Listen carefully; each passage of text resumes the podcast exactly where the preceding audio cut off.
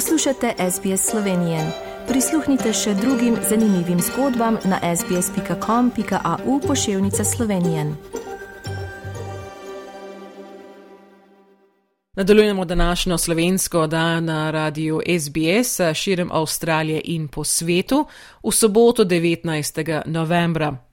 Pred kratkim je Urad vlade Republike Slovenije za slovence v zamejstvu in po svetu objavil javni razpis eh, za razpisno področje B v letu 2023, finančna podpora slovencem po svetu.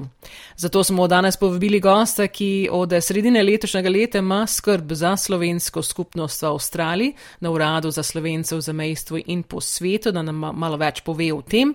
Najprej pa ga seveda lepo pozdravljamo na slovenski udaj radi SBS, Uroš Štibel. Lep pozdrav vsem poslušalkam in poslušalcem. Kot smo napovedali v vodu, z junijem eh, ste prevzeli odgovornost za Avstralijo. Povejte mogoče malo več o, o vas in eh, vašem delu doslej, eh, da, za naše poslušalce, da vas malo spoznajo.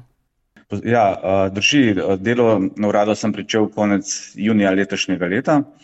Pred prihodom na urad sem bil v bistvu zaposlen kot poslovni vodja programa v študentskem domu Ljubljana, ker sem se ukvarjal z mladimi, z evropskimi projekti in mednarodnim povezovanjem. Uh, predtem sem bil kar sedem let zaposlen v službi vlade za evropske zadeve, ker sem se ukvarjal s koordinacijo evropskih zadev. Poleg tega sem bil tudi na generalnem sekretariatu vlade Republike Slovenije, ministrstvo za pravosodje in tako naprej. Uh, po izobrazbi sem diplomiran politolog, trenutno zaključujem podiplomski študij mednarodnega komercialnega in trgovinskega prava. In od kot ste sami povedali, dejansko ja, od 27. junija letošnjega leta sem zaposlen na uradu za slovence v zamestju in po svetu, ker sem zadolžen za čezoceanske države, se pravi tudi za slovensko skupnost v Avstraliji. In v preteklih eh, mesecih, eh, s čim recimo bi rekli, da ste se najbolj ukvarjali na uradu? Jaz osebno sem se najbolj ukvarjal s poznavanjem organizacij in specifik slovenskih izseljencev v čezoceanskih državah. Glede na to, da sem uh, poleg slovenske skupnosti v Avstraliji, da pokrivam tudi slovensko skupnost v Severni in Južni Ameriki, je specifik izredno veliko, kar kot ugotavljam. Uh, potem v juliju in avgustu smo, glede na to, da je urad prevzelo novo vodstvo na uradu, smo organizirali spoznavna video srečanja slovenske skupnosti po svetu. Poleg tega smo pripravili in objavili tudi razpis in izvedli celo vrsto v bistvu, obiskov predstavnikov slovenske skupnosti po svetu na uradu.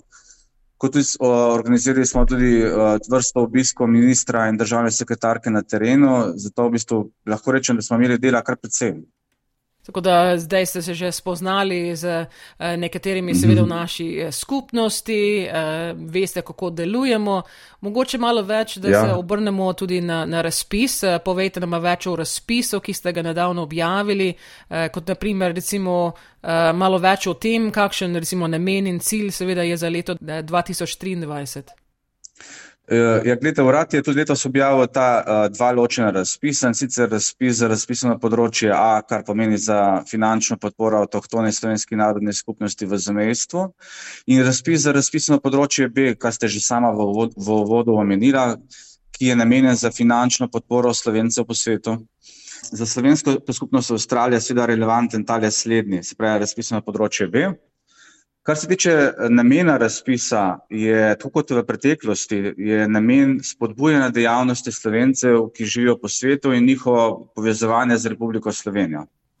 In kdo se pa se lahko prijavi tudi na razpis, ker vemo tudi, da ni uh, samo recimo razne organizacije, ampak lahko tudi seveda posamezniki. Mm -hmm.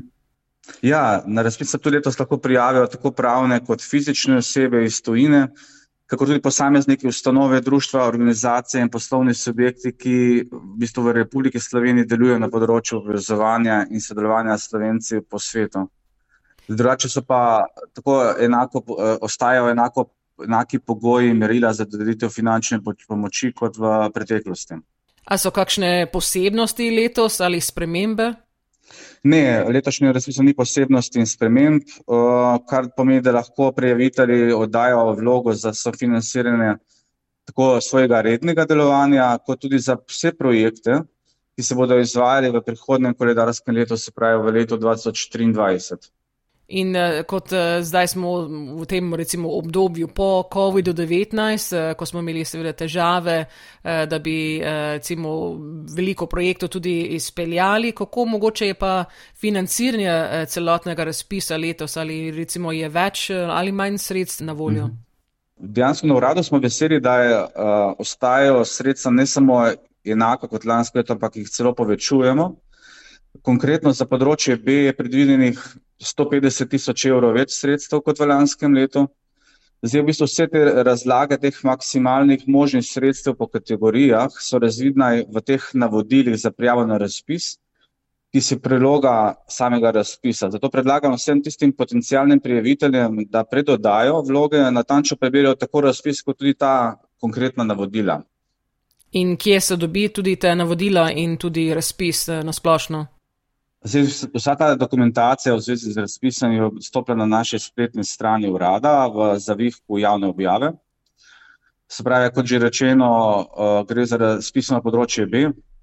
V tem delu so objavljeni, se pravi, razpis, navodila za prijavo in tudi sam obrazec za prijavo. In ta obrazec eh, lahko tudi letos, recimo, pošle skenirano, recimo po elektronski pošti ali, ali gre na sta, nazaj na star način, da ga moraš preko eh, prave pošte pošiljati. Ne, ne, ne, uh, absolutno. Tudi v spisu je celo navedeno, da mora biti vloga obvezno posredovana na podpisanem in skeniranem obrazcu. Tudi vse dejansko prijavitelje naprošamo, da te prijave izvedijo v elektronski obliki. Dejansko se pravi, gre za izpolnitev obrazca in katerega morajo podpisati in posredovati na naš elektronski naslov, ki je že vsem znan, to je urad.slovenci.afna.gov.si.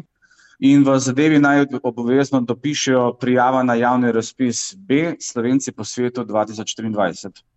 Seveda upamo, da bodo eh, seveda poslušalci to našli, te informacije. Vemo tudi, da je eh, rok prijave tudi do konca meseca. Ne?